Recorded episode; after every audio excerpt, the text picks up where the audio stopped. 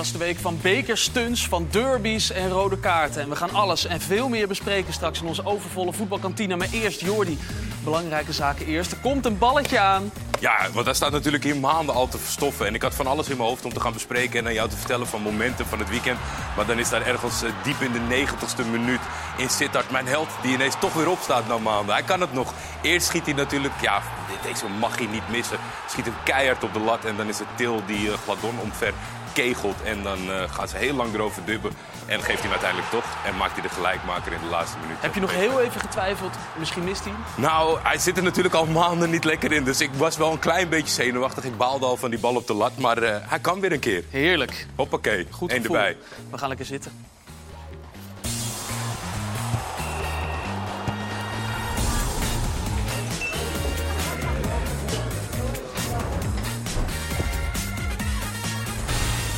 Goedemiddag en welkom in de voetbalkantine op ESPN. We zijn eh, zeer goed gevuld, eh, mag ik wel zeggen. Kirsten van der Westering, alle goede vrouwelijke voetballers hebben een kruisbandblessure. En jij dus ook. Je hoort eh, in het rijtje, we gaan er zo over verder praten. En naast jou zit Danny Buis. Iemand die een contract tekende voor onbepaalde tijd in België. Maar nu zit je hier. Dat ging heel snel. We gaan straks horen hoe dat zit. En ja, onze favoriete stamgast is terug, Robert Maaskant. Welkom dat je er bent. Uh, hoofdrolspeler van toch wel een voetbalsprookje... waar KT aan zo meteen alles over gaat vertellen. En Art van Peppe, inmiddels de vitaliteitsmanager van Rode JC. Welkom allemaal. Aan de bar zit uh, onze eigen Max Toemen, de dataman. En daarachter, achter de bar, staat uh, Nick, onze barman... die uh, hard belt als er gescoord wordt of iets anders gebeurt op de velden. Want er wordt namelijk gevoetbald op dit moment. Op ESPN 2 kun je kijken naar Groningen-Feyenoord.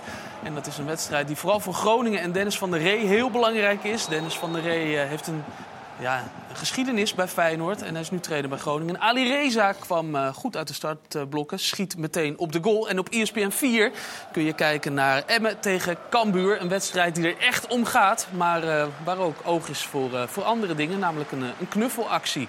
Worden knuffels bij elkaar gespaard. En dat is natuurlijk altijd mooi. Zeker zo is het. Zo is het. Het was een, uh, een lekkere, drukke voetbalweek. Een goed uh, voetbalweekend ook. Danny, je hebt volgens mij alles zitten kijken. Je hebt boven hier bij ons in de bestuurskamer op zes uh, schermen heb je alles, ja. alles gevolgd. Hoe was dat? Nou, je weet voor gekkigheid niet waar je moet kijken. je vond het niet leuk, hè? nee, maar nee, we hebben genoeg gezien. Ja, wat... Met als uitschieter natuurlijk zowel in de laatste minuten gelijk maken bij Go Ahead Utrecht... maar ook bij Fortuna PSV. Robert, heb jij het idee dat uh, nou, de rest van de clubs uh, bovenin zoiets heeft van... Uh, laat Feyenoord maar kampioen worden? Nee, ja, daar lijkt het een beetje op. Nee, ja, het, het is wonderlijk. Het is wonderlijk ook hoe het, relatief rustig blijft bij PSV ook. want ja, die presteren gewoon niet goed. En als er een keer weer een kans is voor Feyenoord om kampioen te worden... dan is het echt dit jaar. Met daar wel twee hele gevaarlijke outsiders. Twente en AZ. Ja. Want die noemen we te weinig. Art, ben jij een uh, fanatieke voetbalkijker? Uh, nee, niet per se. Uh, nee. nee. Ik ben meer een uh, mooi, weer, mooi weer voetbalkijker eigenlijk. Als het mooi weer is, zit je binnen. Ja. nee, maar als het, als maar het mooi, als mooi... gisteren de Manchester Derby is dat dan iets... Ja, die heb ik wel gekeken. Die zet je ja, wel op, ja? ja? dat vond ik wel tof om te kijken ook. ja. ja. Mooie pot. Ja, goed. Kirst, hoe zit dat bij jou? Ben jij een, een mannelijke voetbalkijker, vrouwenvoetbalkijker? Ik kijk alles, alles eigenlijk. Echt maakt, waar? maakt niet uit. Uh, ja, eigenlijk staat bij ons altijd al tv aan met voetbal. Ja. ja. Ja, en, en, waar ben je dit weekend voor, uh, voor gaan zitten? Uh, nou, ik zat toevallig gisteren in de arena. Het uh, was ook wel een mooie wedstrijd. Helaas geen doelpunten, maar er was wel genoeg te zien in ieder geval. Mm -hmm. um, al vond ik wel dat Twente met, tegen 11 man beter voetbalde was tegen 10 man. Ja. Dat vond ik wel heel opmerkelijk, maar dat was een leuke wedstrijd om te zien. Heel goed, je begint meteen te analyseren. Dat, dat, dat, hebben we nodig hier in de kantine. Okay, volg jij nog Sheriff een beetje of mis nee. je wel eens een wedstrijdje? Helemaal niet meer. Nee? Maar ik kijk wel gewoon wanneer ze trainen, dan weet ik het wel allemaal en zo. Maar ze hebben nog geen wedstrijd gespeeld. Oh. Veel actieve voetballers die doen in hun vrije tijd liever wat anders dan toch weer voetbal ja, kijken. Jij ook? Nou, ik kijk wel voetbal hoor. Ja. Dat wel, ja, maar ik doe ook wel andere maar het is ook dingen. niet zo makkelijk te volgen, hè? Nee, precies. Omdat je, je moet die beelden maar eens... Ik, Dynamo, ik heb bij Dynamo Minsk gezeten. Ja, ga maar eens proberen om wedstrijden van Dynamo Minsk te kijken. Ja, voor buiten is dat natuurlijk hetzelfde. Ja. Ja, Ja. dat is hartstikke lastig. Ja. In het geval van Dynamo Minsk misschien ook wel uh, terecht, of niet, Robert? Nou goed, is weer wat anders. Uh, sinds 17 oktober, Danny, ben jij zonder, zonder club. Hoe kom je je dagen door? Ja, heel verschillend. Ik ben een paar weken naar Peru geweest. Daar was ik op tijd terug, want Ja. toen we net terug waren ging het land op slot. Iets met een koep of iets te maken? Ja, afzetten van de president, protesten. Dus toen was ik net op tijd terug. tijd met de kinderen, een beetje zelf voetballen, dat soort dingetjes. Deze week hebben we je gespot bij uh, Kozakken Boys ADO. Ja. Dat klopt, ja, daar was ik uitgenodigd uh, door mijn... Uh... Undercover was je wel, maar... Uh, nou, het was behoorlijk fris. en ik heb weinig haar op mijn hoofd, dus... Nee, dat was leuk dat je werd uitgenodigd voor die wedstrijd. En dan kom je een hoop oude bekenden tegen. En als je zelf werkzaam bent als trainer, dan heb je eigenlijk heel weinig tijd voor dit soort dingen. Ja. Dus op dit moment kan ik een beetje ja, profiteren van de situatie. Volgens mij ben jij ook wel denk ik echt een, een vakidioot, hoe ze zeggen. Op het moment dat je wel actief trainer bent. Dus is dat, moet daar dan echt een knop om van niet 24 uur met zo'n team bezig zijn? Ja, als je erin zit, dan, dan slokt het je gewoon op en dan ga je er volop, uh, ga je er volop voor. En nu uh, kan ik het wel aardig loslaten. Ja, ik, kijk wel regelmatig voetbal of ik ga naar een wedstrijd. Ja. Maar nu ben ik niet uh, eh, 24 uur per dag met het spelletje bezig. Nee, maar en tijdens, tijdens zeg maar, als je actief trainer bent, dan wel. Dan ben je wel echt. Want ik, kan, ja, ik weet niet of jij ook 24-7 met je club bezig bent. Of dat je het juist lekker vindt om af en toe even niet daarmee bezig te zijn. Nou, ik, ik kon goed ontspannen. Ja. En ik kon het ook redelijk relativeren altijd. Maar het, je bent er wel altijd mee bezig. Ja. Kon je dat altijd al of gedurende je carrière leerde je dat beter? Uh, ik denk dat je dat gedurende je carrière wel makkelijker los kan laten. Maar ja, je wordt s'morgens weer wakker. En dan moet jij degene weer zijn die de kar gaat trekken. En als je verloren hebt, is dat heel erg. Als je gewonnen hebt, is het wat lekkerder. Maar die eerste seconde van wakker worden de volgende ochtend als trainer... Ja, dan zit het onmiddellijk in je hoofd. En dat, ja, dat, dat laat je gewoon niet los. Ja. Dus... Uh, ja, ik, uh, ah, daar is een bel. belletje. Dat betekent dat er gescoord is ergens op de velden. Nu is het voor ons ook de grote vraag waar dat is. Dat is bij uh, Groningen-Feyenoord. En Feyenoord aan de bal, nou, dan is de kans... de kans is vrij groot dat we nu een doelpunt van Vrij groot dat hij aan die kant uh, erin gaat. En dit is Paisao die een, uh, een, mooi doelpunt maakt. En dus Groningen nog iets verder uh, in de problemen duwt. Danny, is dit voor jou om te zien? Dit is eigenlijk de, de Danny Buis derby een beetje. Ja. Ja, nee, ja, dit is moeilijk om te zien. Of moeilijk in de zin van... ik heb natuurlijk een heel lang verleden bij Feyenoord. en in het verleden ook echt supporter geweest van die club. En uiteindelijk een jongensdroom waargemaakt door, door in het eerste daar te komen. Maar ik moet zeggen dat ik aan Groningen ook heel veel te danken heb. Ik heb daar en als voetballer mezelf kunnen ontwikkelen. En zij hebben mij de kans gegeven om als uh, jonge trainer uh, mijn eerste stappen te zetten in het betaald voetbal. Ja, we gaan het zo over Groningen hebben hoor. En de situatie daar. Eerst nog even, er zijn de afgelopen, clubs heel, of afgelopen tijd heel veel clubs geweest die op zoek waren naar een nieuwe trainer. En nou ja, je weet hoe dat gaat. Ben je nog benaderd? Gebeld. Ik heb wel een paar gesprekken gehad, ja ja. Maar dat, dat, ik heb ook wel gesprekken gehad meer in de zin van oriënteren. Mhm. Horen hoe andere eh, directies uh, tegen een trainer aankijken, hoe dat gaat in de samenwerking. Want ik bedoel, ja, ik heb wel vier jaar bij Groningen gezeten, maar het was wel mijn eerste job in betaald voetbal. En dan is het denk ik altijd goed om je ja, breder te oriënteren. En dat is in deze fase ook wat makkelijker dan wanneer je zelf werkzaam bent. En wat Robert net zei, dat herken ik wel. Ik denk wel, voor mij ook is nog wel een ontwikkelpunt om te leren op welke momenten kan je het wat vaker loslaten. Want ja. op het moment dat je verliest, dan, dan kan het je heel erg opslokken, om het zo maar te zeggen. Dus dat is interessant voor een jonge trainer om daar met anderen over te praten. En niet alleen daarover, maar ook Zijn er nu nog uh, oriënterende gesprekken? Nee, op dit moment niet. Dat was meer in de periode uh, een paar weken geleden, net voor kerst. net voordat uh, Utrecht en Willem II en uh, wie waren dat allemaal? Er waren een aantal clubs ja, die geen trainer hadden. Ja. de training. Kirsten Wouter had het net al aan met je blessure. Hoe staat het daarmee, die kruisbandherstel? Ja, het gaat nu gelukkig uh, goed. Um, ja, ik ben er nog niet, maar ik ben wel zeker op de goede weg. Ja, nu gaat het goed, maar het is wel echt een moeilijke tijd geweest, dat, uh, dat wel.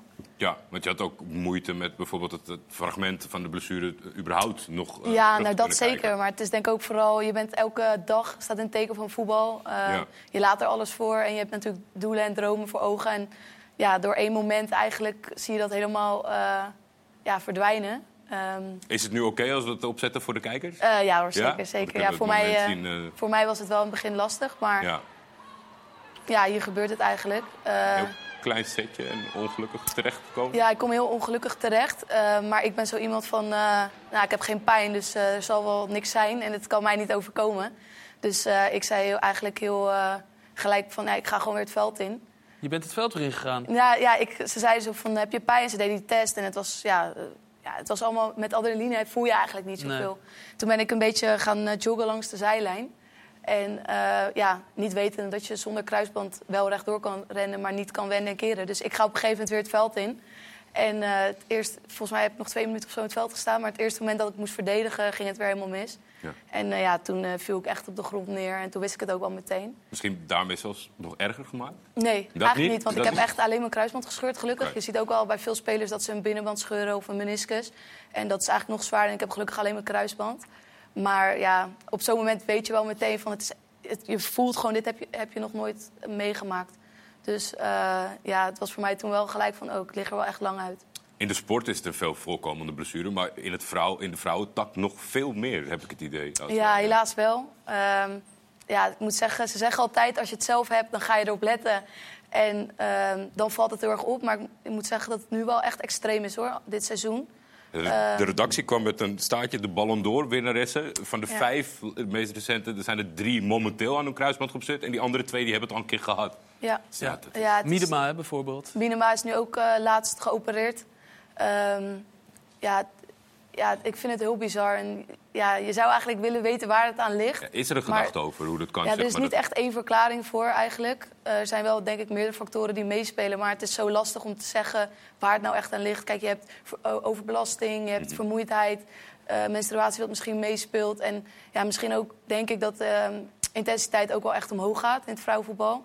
Want ja, hoe het nu dit seizoen is, is echt niet Dat je normaal. nu tegen de beginfase steeds van het zwaarder worden aanloopt... en eigenlijk Ja. meer geconfronteerd wordt met Ja, blessures. ja dus... ehm, maar ik zie het zo, ik heb het nu hopelijk gehad. En eh, dan eh, ben ik eh, afgevinkt. Dus eh, Dan heb je het gehad, ja. Ja. We hadden Hoe, het hoe, van lang, tevoren... hoe lang is het geleden dat je het... Dat ik ben nu eh, acht maanden geleden geopereerd. En er staat normaal gesproken negen maanden voordat je 9 weer tot echt... 12 maanden inderdaad. precies. Ehm, maar je moet ook wel weer voorzichtig zijn. Ik heb liever dat ik echt me helemaal goed voel. Dat ik dan mijn rentree maak in plaats van te snel. Toen ik het net had, dacht ik, oh, ik ga zo snel mogelijk. Maar nu denk ik van, ik wil gewoon echt helemaal klaar voor zijn. En er dan ook blijven. En niet Ja. dat het dan weer ja, De misgaat. beelden van Ruud van Nistelrooy, die hebben we allemaal in ons hoofd natuurlijk. Met, op die training dat die, eh, dat die nog een keer gebeurde. Ja. En ja, kijk, het, het gebeurt veel in vrouwenvoetbal, maar eigenlijk ook in het mannenvoetbal. Want zoals nu Donny van der Beek ook weer. Gisteren volgens mij bij AZ Beuken, maar ik weet niet Eh, zeker of eh, het eh, dat- kruis... Nee, dat is geen kruisband. Geen kruisband, Nee. oké, Toevallig gelukkig. net even contact gehad. En die eh, wordt morgen nog verder onderzocht, maar dat is gelukkig niet Gelukkig. kapot. Ja. Ja. Ja. Maar we hadden het van tevoren, had ik het met Jordi erover. Inderdaad, je, je zegt ook een van de factoren die invloed zou kunnen hebben is menstruatie. Bij Club Brugge hebben ze volgens mij, ja, dat, dat noemen ze dan een menstruatiecoach. En dan denk je meteen, wat is dat voor, eh, voor iets. Maar wel iemand die daar extra op let. Maar zou je kunnen uitleggen wat dan die invloed eh, van die Ja, periode zou zijn? Ehm, ja, ik denk op zo'n moment ben je wel vermoeid, ja, meer vermoeid. En ehm, ja, misschien ook dat je, eh, je lichaam dan eh, ja, traag reageert op, op, re- op momenten. Ehm, maar ja, het is, het is eh, een vermoeden wat mensen hebben. Maar het is eigenlijk nooit echt bewezen dat het ook echt daadwerkelijk zo is. Dus ehm, ja, het kan, het kan zo zijn, maar het is, ja, het is ook wel weer lastig te zeggen. Want het is ook bij heel veel spelers gewoon pech. Want je denkt, je ziet zoveel spelers die, die juist heel fit zijn. En waar het ook bij gebeurt, zoals bijvoorbeeld Miedema. Mhm. Ehm, dus ja, Je ziet bij de hockey ook minder bijvoorbeeld. Hè? Ja. Ook bij het vrouwenhockey zie je minder kruisbandletsels wat dat betreft. Wordt tijd dat er eh, onderzocht eh, wordt in ieder geval hoe dat, eh, hoe dat te verbeteren valt. Van eh, de menstruatiecoach van Club Brugge naar de vitaliteitsmanager van eh Rode Mooi JC. Dankjewel, Hart. Ehm, ja, wa- Ik ben een van de weinige mensen, denk ik, die precies weet wat het inhoudt. Dus, eh, Ja, laat dat leg uit. Ja, nee, de- deze zomer werd het natuurlijk... Ik had een podcast, dat ging over transfers. En dat was ook voor mij een soort transfer. Dus eh, ik vroeg jou om eh, de luisteraars uit te leggen wat het inhoudt. Maar ja, niet heel Nederland heeft natuurlijk geluisterd naar die podcast. wel bijna. Of bijna. Ja. Maar of je dan toch nog een keer wil vertellen Ja. wat die functie precies inhoudt. Ja, ik ben verantwoordelijk voor de sociaal-maatschappelijke activiteiten eh, van Rode JC. Dat is hetzelfde eh, grotendeels als wat de Ajax Foundation heeft, wat de Excelsior Foundation heeft, wat de FC Utrecht doet eh, vanuit het hart en FC Groningen doet dat ook. En eh, ja, bij ons in de regio rondom Rode JC is er heel veel ongezondheid, statistisch gezien echt slecht. Eh, en dus er is heel veel aanleiding om daar iets mee te doen. En een voetbalclub, in dit geval Rode JC in die regio, is gewoon het beste middel om in te zetten om mensen te betrekken bij wat dan ook te maken heeft met gezondheid. En wij zetten heel erg in op de beweegarmoede terugdringen. Want dat past bij een voetbalclub. Eh, dus we zetten in op dat kinderen die, die anders geen kansen krijgen, eh, wel gewoon gratis kunnen sporten. En dat mag uiteraard voetbal zijn, maar we trekken het wel breder dan dat. Het gaat echt om beweegarmoede terugdringen. toen je het vertelde, toen moest je nog eraan beginnen. Nu ben je een aantal maanden bezig. Ja. Hoe bevalt het? Ja, heel leuk. Het is eigenlijk gewoon ondernemen in een, in, in een, eh, ja, in een BVO. Nou, een BVO is, zoals jullie kennen, heel de voetbalwereld is een dynamische wereld. Dus er gebeurt altijd iets. Ik heb wel wat te maken met de sportieve prestaties. Maar over het algemeen kan ik wel gewoon doorgaan met eh, wat ik van plan was. eh, ook al hebben we bij wijze van spreken verloren. En helaas... zitten, eh, nog even naar wat oude beelden hoor. Praat vooral verder, maar ondertussen genieten Ja, we dat van is eh, natuurlijk ook gewoon doelpunten. Ja. Dit was tegen Os ook... eh, maakt niet uit. En tweebenig, en tweebenig. En tweebenig. Ja, kijk, links en rechts. Ja, dat was met rechts, ja. Ja, ja nee, eh scoorde een paar keer. Je hebt alle drie de goals hebben jullie kunnen vinden. Bedankt daarvoor. Nee, maar dat is heel tof. eh, gewoon leuk. eh, mooi om die dynamiek eh, in een voetbalclub weer mee te maken. En fijn om echt ja, maatschappelijke impact eh, Ja. te Je, genereren. je was wel een juicher, hè? Ja, je, Ja, als je- ik heb als je maar zeven drie keer, keer, eh, eh, zeven drie keer keer gejuicht scoort. in mijn leven. Nou, we zijn al eh, Kijk eens even. ook weer met rechts. Ja, het is heel gek dat ik een paar keer met rechts heb gescoord. Robert, hoe stond jij daarin als trainer van de, de, de maatschappelijk betrokken activiteiten van de club? Eromheen, zeg maar, om de ploeg heen? Eh, nou, ik ben ook een beetje bevooroordeeld inmiddels. Ik heb een tijd voor eh, European Football for Development gewerkt. Ja. Een non-profit organisatie die al die Europese voetbalclubs eh, bundelt en eh, van elkaar laat leren. Een beetje het best bewaarde geheim. Ja, ik was daar altijd actief mee. Eh, nou, de tijd, van, de tijd in Groningen waren er avonden waar ik altijd bij was. zowel bij NAC als bij Willem II. Ik ben altijd betrokken geweest bij dit soort initiatieven. Omdat ik vind dat je voetbal speel je voor je publiek. En dat publiek is veel breder. Er zijn natuurlijk ook heel veel mensen. Dat wordt beter en beter. Hè? De gehandicapten die naar het stadion toe kunnen komen. Ja. Maar ook voor blinden en doven wordt er nu van alles georganiseerd. Ja, en ik ben ook iemand die eh, enorm van het eh, bewegen is. Nederland in beweging krijgen. Dus ik was erg voor, eh, pardon, voor dit soort initiatieven. Doe je ook mee aan het programma Nederland in Beweging? Achter zijn stoel. Nee, nee, nee. ik ben lid van de sportraad in Breda. Dan zit je op de achtergrond zit je de, een beetje links en rechts gevraagd en ongevraagd advies aan de gemeente te geven over, eh, over sporten. Eh, maar ik vond het ook oprecht leuk. Ik vond dat soort avonden, ja, weet je, als speler was je dan misschien net eventjes wat minder betrokken. Maar toen je, als je ietsje ouder wordt, dan, eh, dan zie je ook het belang daarvan. Dus ik, vond het ook heel, ik vind het ook heel belangrijk. Ik vind het ook heel goed dat alle voetbalclubs dat doen. Oké, wij hebben eerder dit seizoen hebben wij uh, gefacetimed met elkaar. Dat kwam omdat jij toen eh, op een hele nou ja, bijzondere plek was. Namelijk bij, eh, bij FC Sheriff tekende je. Op, nu ben je alweer hier. Ja, klopt. Wat is er gebeurd in de tussentijd? Nou ja, ik had een ja, huurperiode van zes maanden. En ja, dat is voorbij natuurlijk. Ja. ja, bouw je ervan? Dat is afgelopen? Eerlijk gezegd niet. Nee. Nee. Wat dan? Nou, we zijn de Champions League, we zijn de Europa League. En ja, qua privéomstandigheden, dan wil ik gewoon het liefst weer in Nederland voetballen. Ja. Weet je hoe ze bij jou zijn terechtgekomen? Want je, je stond natuurlijk onder contract bij Topos. En dan eh, moet je eh, een ploeg die uh, voorronde de Champions League speelt... eh, die klopt aan van eh, kunnen wij eh, jullie spits huren? Ja, ik heb eerlijk gezegd geen idee hoe ze Nee? eh, erachter zijn gekomen. Nee. Maar ik ben wel blij dat ik eh, daar ben geweest. Ja. Ja, wat vertel eens, hoe, hoe, hoe ziet het eruit? Je zat in Trans... trans niet, niet... Tiraspol. Ja, ja, ja Tiraspol Tiraspol, woonde je in, ja. inderdaad. En eh, dat is in Moldavië. Moldavië. Ja, nou, dat, ja, ik kan me niet zo goed de voorstelling van maken hoe het er daaruit ziet. Maar hoe, hoe leefde je daar? Ja, ik was eigenlijk merendeels alleen binnen. En eh, als ik naar training ging, was ik gewoon eigenlijk buiten. Ja?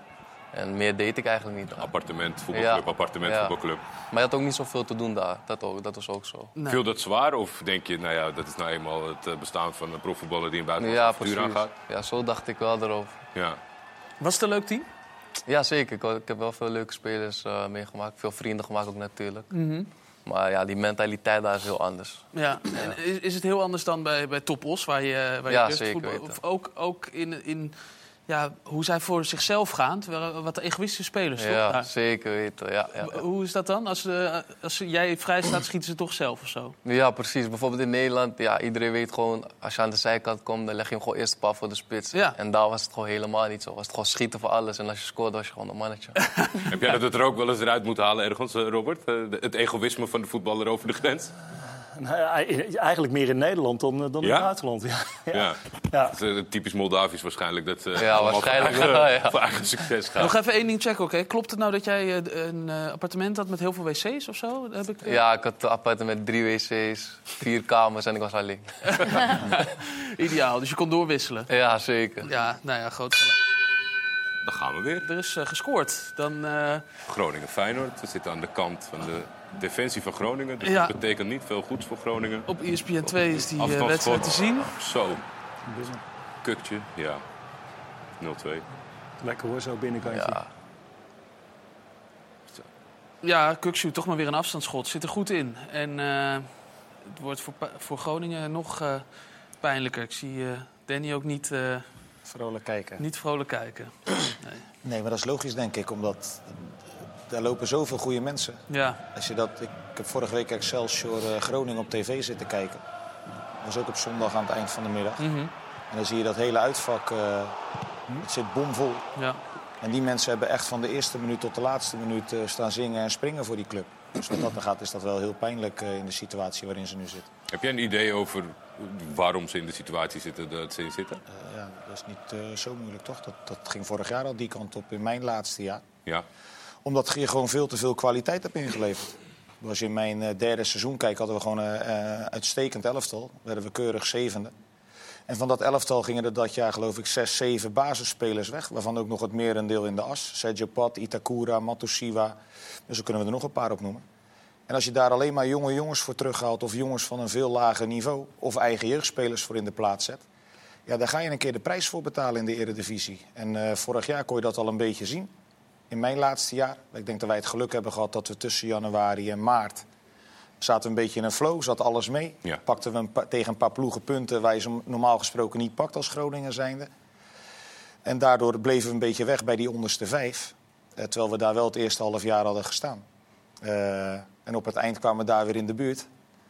Eh, en dat heeft zich dit seizoen doorgezet. En is dat, beleid, is dat een gekozen beleid dat ze op een gegeven moment zeg maar, de, de, de nieuwe aanwas intern zijn gaan halen of bij jeugdige spelers zijn gaan halen? Het is onder andere beleid. Ze willen, eh, Groningen investeert veel in de eigen jeugd. Eh, er zijn ook een paar jongens doorgebroken die verkocht zijn... of misschien de komende jaren voor veel geld verkocht gaan worden. Ludovic Reis, Björn Meijer. Weer Meijer, die Je hebt nu met Thomas Suslov eh, iemand die al veel wedstrijden heeft gespeeld. Dus dat is kapitaal. Ze halen ook een hoop jonge talenten uit het buitenland. Maar je hebt ook wel eh, ervaring en kwaliteit nodig... Wat, al, wat zichzelf al bewezen heeft. En ik denk dat ze daar wel de plank eh, de laatste jaren ja, al eh, misgeslagen hebben. Ik was donderdag bij, bij Groningen-Spakenburg. En op een gegeven moment wordt er vooral richting eh, gezongen. Fleddy rolt erop, geloof ik. Maar wat jij zegt, dat is dus eigenlijk terecht. Niet het spreekwoord, maar dat hij onder vuur ligt. Nee, ja, Ja. niet het spreekwoord. Nee, ik, maar, Ja, maar ja, het is, maar dat heel, hij onder... Dat, het is heel simpel. Kijk, eh, vorig jaar was mijn laatste jaar. eh, dat eindigde vooral heel teleurstellend. En dan eindig je ook eh, in het rechte rijtje. Voor mij voor het eerst sinds vier jaar. Of in die vier jaar dat ik er gezeten heb. Mhm. Nou, in principe wil Groningen in het linker rijtje spelen. Dus dat is teleurstellend. Nou, dan krijg je ja, het lag aan de chemie tussen de spelers en de trainer. eh, de verdedigende trainer, noem het allemaal maar op. Dan komt er een andere trainer. Dat was de ideale trainer, want daarvoor heeft hij hem gehaald. En die is na vier maanden weg. Jullie relatie was wel bekoeld. eh. Nee, die was heel Die- moeizaam. Maar dat, dat ik, is ik, ook... ik kan me nog herinneren dat ik, ik, had, ik had ruzie met hem gehad, met Vladeris. En we hebben elkaar toen opgebeld. Toen ben ik naar Groningen gereden om dat een keer uit te praten. En toen, ik, wij liepen toen door de catacombe heen. En jullie zeiden elkaar eigenlijk amper nog gedag op dat moment. Dat was aan het einde van het seizoen. Ja, Ja. Nee, maar dat klopt ook. Kijk, en, eh, volgens mij hoorde ik dat vanochtend dat Peter Bos bij eh, Goedemorgen Eredivisie was. Dat hij een paar keer had gezegd dat de relatie tussen een TD en een trainer superbelangrijk is. Nou, dat heb ik nu ook bij Mechelen meegemaakt. Eh, dat is ook zo. Je moet een twee-eenheid zijn. Dat wil niet zeggen dat je intern het altijd eens moet zijn met elkaar. Want ik denk juist dat het heel goed is dat je het ook regelmatig niet eens bent met elkaar. En dat je gaat discussiëren met elkaar. En zo probeert de club naar een hoger niveau te tillen. Alleen je moet wel een twee-eenheid zijn, elkaar kunnen vertrouwen. En wij waren geen twee-eenheid. Nou ja, hij was de TD, dus uiteindelijk ga je dan als trainer eh, ga je weg. Oké, als je op dit moment kijkt waar Groningen staat... ja, dan kan ik niet zeggen... eh, Ik bedoel, twee jaar geleden zaten we op een spelersbudget van misschien 5,5 miljoen. Ik denk dat er eh, clubs in, de gedegradeerd zijn met meer geld. Nu zitten ze alweer een paar miljoen hoger. Alleen de prestaties blijven uit. Ja, daar is wel iemand verantwoordelijk voor, of een aantal mensen, zo simpel is het. En als jij nou eh, TD zou zijn hè, van, eh, van FC Groningen, zou je dan nu de, de portemonnee gaan trekken? Ze hebben natuurlijk nog een hoop geld binnengehaald, eh, ook met eh Jurgen Strand Larsen. Het, blijft, kijk- het is best wel een gek verhaal natuurlijk, want volgens mij financieel gaat het helemaal crescendo. Maar dan, Nou ja, toen, ik, eh, Andere keuzes. ja, toen ik bij Groningen kwam, zaten ze geloof ik op min 10 miljoen. En ik denk dat ze even, zeg ik even uit mijn hoofd, want ik ken niet al die cijfers. Eh, omdat ik niet bij al die deals exact betrokken ben. Maar volgens mij hebben ze in de afgelopen vier jaar voor 50 miljoen aan spelers verkocht. Alleen Twente is een voorbeeld van een club hoe het ook kan. ja. Twente heeft ook een, een schuld of hadden een negatief eh, vermogen. Uh, maar, maar, Jan Strooijen kiest er daar ook heel bewust voor om wel ook gewoon heel veel geld in het elftal te investeren. Het zij in salarissen of wat dan ook. Waardoor ze wel een Van Wolfswinkel hebben, een Oenerstal op doel. Uh, dus die kiezen er voor de langere termijn voor om die schuldenlast weg te werken. En Groningen heeft dat nu in eigenlijk ja, twee, drie jaar van min 10 miljoen naar misschien wel plus 10 miljoen weten te brengen. Alleen ze zijn denk ik wel vergeten om ervoor te zorgen dat er ook nog voldoende kwaliteit op het veld staat. Ja. Hoe gaat uh, trainer Robert Maaskant in zo'n situatie uh, handelen? Als uh, je, je, beste spelers worden verkocht, maar er komen alleen maar jeugdspelers nou, terug? Ik, ik, ik, was altijd heel helder bij clubs. ik werkte altijd met het principe, een drietrapsprincipe. Eerste club, dan het team en dan het individu. En daar kan je alles op neerleggen. Als je kijkt naar de verkoop van Strand Larsen, ja, is dat goed voor de club? Nou, als dat ja is, dan ga je naar de volgende stap. Is het goed voor het team? Nou, dat, dat was een, daar, daar, moet je over praten, daar moet je over handelen. En uh, zij hebben gedacht dat ze een goed alternatief hadden op dat laatste moment. Ja. Uh, en die cent in de zak gestoken. Nou, ja, dat, dat is, zoals nu blijkt, duur betaald. Hoe kijk jij naar Dennis van der Ree, Danny? Die, uh, die denkt ook, waar, waar ben ik terechtgekomen? Ja, ik heb niet met hem gewerkt. Dus hij is volgens mij afgelopen zomer nieuw ja. gekomen ook als assistent-trainer. Dus ik ken hem niet, ik heb niet met hem gewerkt. Uh, ja, het is een behoorlijke stap die hij zet. Uh, hij kent een beetje de club, want hij heeft er dan een paar maanden gezeten. Wat ik begrepen heb, hebben ze wel een aantal mensen gesproken om terug te komen. Maar die hebben het om wat voor reden ook niet gedaan. Was het niet jij? Jij Daar zat niet... ik niet bij, nee. nee. Uh, Nee, en uiteindelijk hebben ze hem gevraagd om het te doen. En, en hij, heeft, uh, hij is tot de conclusie gekomen om het te doen. Ik vind het een risico. Dit? Ik vind, ik vind voor Van der Rey vind ik een, een onervaren trainer in deze situatie... vind ik heel gevaarlijk voor Groningen. En Groningen redeneert, die hebben inderdaad met een aantal mensen gesproken... die het niet, nog niet wilden doen. Uh, maar die redeneren van ja, we hebben geen enkele garantie dat een andere trainer dit wel kan. Ja, dat vind ik wel een beetje een slappe basis om iemand aan te stellen in zo'n precaire situatie. Want we hebben de voorbeelden gehad van clubs die zijn gedegradeerd. Heracles afgelopen seizoen. Heracles afgelopen seizoen. Uh, Twente is het ook een keer gebeurd. Van al die clubs die maar bleven roepen, uh, volgens mij Roda ook. Ja. Nee, er, er, is niks aan de hand. Tot één wedstrijd voor het einde. Ja. Ja, toen was het te laat. En die houding proef ik nog steeds wel een beetje bij Groningen. En ik vind het probleem ook nog wat dieper zitten hoor. Ik heb dan bij Groningen vier jaar echt in de keuken kunnen kijken. En wat mij gewoon verbaast, en dat gebeurt bij meer clubs, is dat je hebt dan ook een RVC. Daar zitten vijf mensen in, bij Groningen in ieder geval. Mm -hmm. Maar er zit er gewoon geen één in met echt veel voetbalverstand. Of die zelf op hoog niveau heeft gevoetbald, of die weet wat er gevraagd wordt. Niet één? Niet één. Oh. En dan denk ik wel eens, ja, daar verbaas ik me echt over. Het zijn miljoenen bedrijven, ja. maar het bedrijf is voetbal. En dat vind ik eigenlijk soms echt verbazingwekkend. Want uiteindelijk de RVC praat met een directie over welke spelers er gekocht moeten worden of beleidmatige keuzes. En, en ja, dat vind ik echt heel verrassend dat bij sommige clubs uh, dat niet is. Vind ik ook wel een ideaal plaatje, maar het is ook een beetje het mandaat wat ze geven natuurlijk. Ze stellen iemand aan en zeggen, nou, jij krijgt het vertrouwen, dus jij gaat het oplossen. Nou ja, daar zal Fladeren zal, zal dat nu moeilijk krijgen, lijkt mij, ja. in deze situatie. Het is bij meer clubs is het uh, crisis op dit moment. Uh, bijvoorbeeld gisteravond uh, Ajax-Twente wordt 0-0. en dan wordt er ook, kom ik weer met mijn spreekkoren, sorry hoor. Maar dan wordt er Schreuder rot op. Ja, leuk, hè? ja, nou ja, nou, het mag ook best wel. Maar ik kan me voorstellen, bijvoorbeeld Art... Je bent niet creatief, hè? Alles ja, is rot op. Ja, het is allemaal rot op. Schreuder rot op wordt er dan geroepen. Maar hoe is dat als, als voetballer? Je hebt, je hebt het ook meegemaakt. is het dan anders om te horen? Als je op tv voorbij hoort komen, Schreuder rot op. Denk je dan nog wel eens terug aan, aan andere tijden? Of, of doet het een beetje pijn? Nou ja, als het daarover gaat, denk ik wel terug aan dat ik wel ook als ben uitgescholden. En mooie liedjes heb toegezongen gekregen door een heel, uh, nou, heel de Bunningsite of zo. Bijvoorbeeld over uh, geaardheid. En dan een of ander gevarieerd liedje van uh, Art is anders geaard bijvoorbeeld. En mm -hmm. een leuke, ja... Is al iets creatiever dan de spreekwoorden van Wouter vandaag. Ja, ja iets, iets maar, liever bedoeld. Ja. Maar ja, dat, dat, daar, kijk, ik vind eerlijk gezegd dat we, dat we als Nederland, maar als KNVB misschien wel UEFA, FIFA veel harder moeten optreden tegen dat soort dingen. En we zeggen dan heel vaak van ja, maar dat is uh, ook wel het voorbeeld van ja, dit is zo is het ook in de maatschappij. En uh, ja, maar ja, je hebt een voorbeeldfunctie als voetbalclub, het hoort erbij. En we vinden het allemaal prima. En dan moet, nou ja, Moon is als extreem voorbeeld wat hij heeft meegemaakt van dat een trainer of dan een speler uiteindelijk de conclusie moet trekken van ja, dit gaat te ver. Ja, nee, je moet, het gaat gewoon vaak te ver. Ja. En Ja. we durven niet op te trainen omdat we bang zijn dat we dan elke minuut stilleggen. Ja, in het begin zal het irritant zijn. Maar na een tijdje is het gewoon klaar. Ja. Het moet gewoon niet meer, ik, ik vind echt oprecht dat ze daar veel strenger in moeten zijn.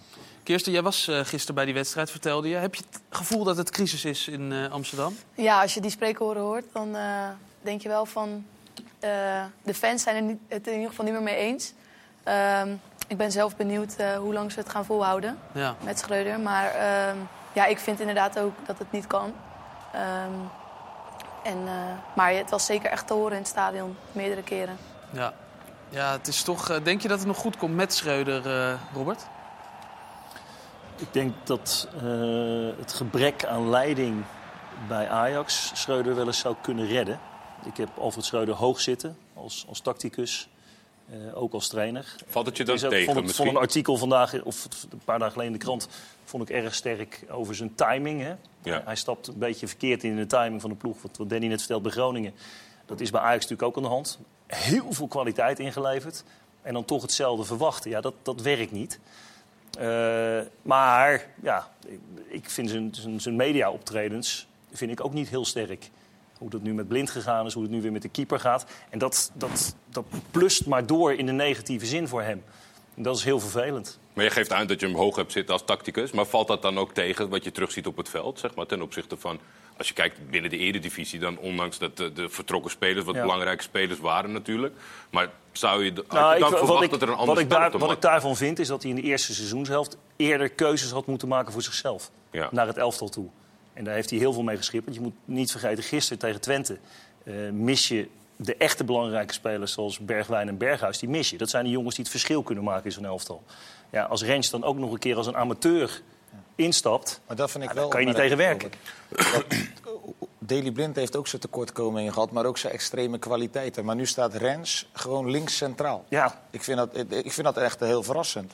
Het triggert mij wel wat ook het idee erachter is waarom ze Rens beter vinden op links centraal achterin dan bijvoorbeeld een Daley Blind. Dan Ja. Blind, ja. Jij ziet het nog niet, als ik het zo hoor. Nee, ik kan er niet over oordelen. Kijk, het- we doen het allemaal in de voetballerij. We geven heel makkelijk onze mening. Maar ik heb nu ook zelf ervaren in die vier jaar bij Groningen... als je op die trainerstoel zit, wat er allemaal bij komt kijken en hoe het eraan toe gaat. het is ook wel eens lekker dat je niks kan zeggen. Hè? Of irritant, nu kan je wel wat zeggen. Ja, nee, maar dat is.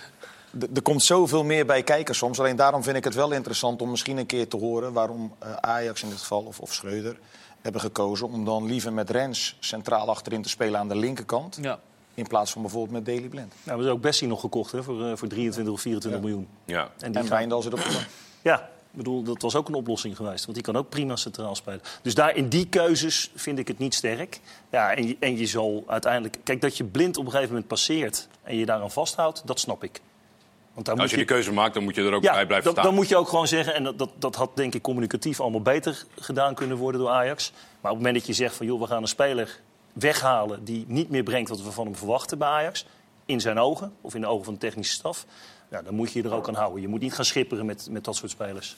Er wordt veel over Ajax eh, gesproken natuurlijk en over een, een crisis. Is het crisis bij eh, PSV? Dat weet ik niet, want ik moet zeggen dat ik weinig contacten bij PSV heb en daar ook niet in zit. Alleen als je na de winter kampioen wil worden als PSV zijnde...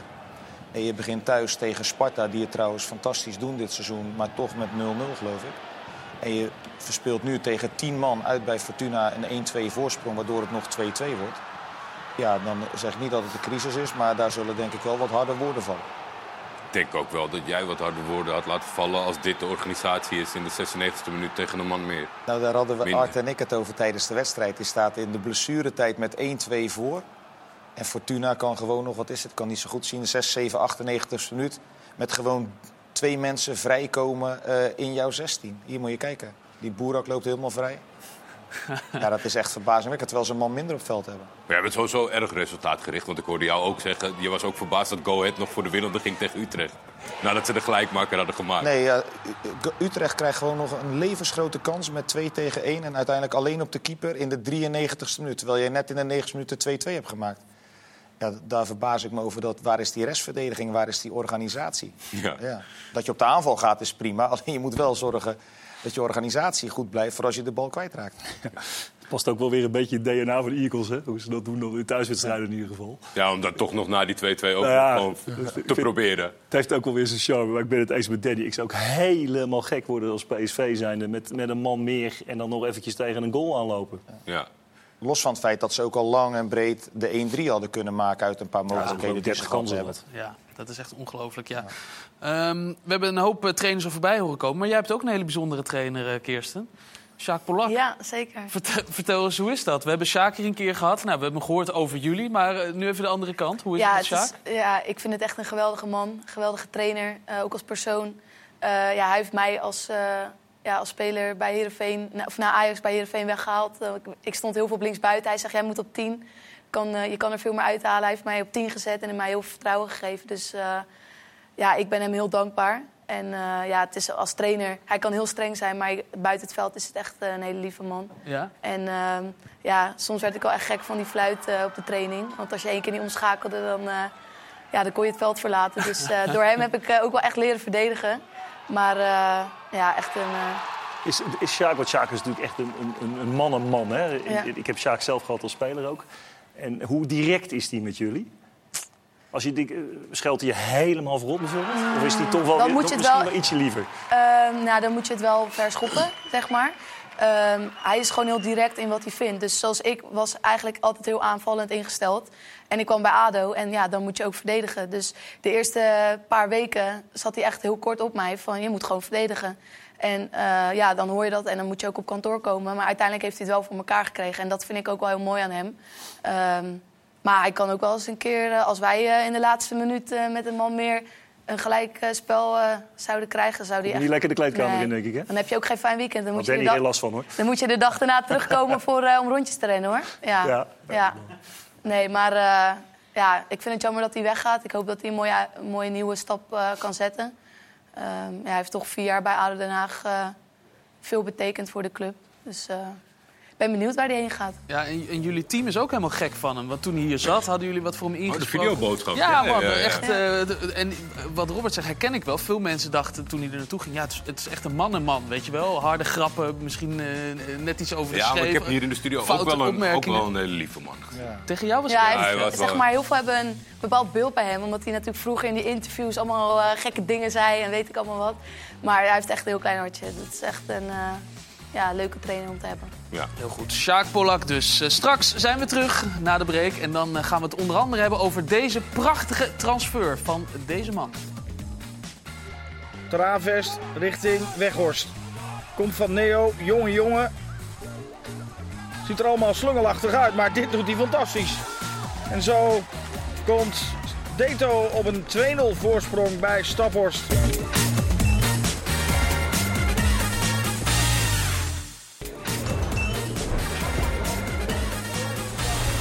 Welkom terug, deel 2 van de voetbalkantine. Er is een hele hoop moois gebeurd eh, het afgelopen weekend. Maar ik heb vanmiddag toch ook wel erg genoten van eh, de topper in de keukenkampioen-divisie.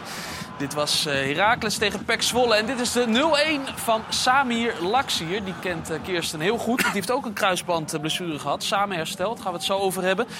Thomas van der Belt, een man die eh, volop in de interesse staat van eh, vele clubs. Onder andere FC Groningen, maar die scoort maar gewoon even de 0-2 hier.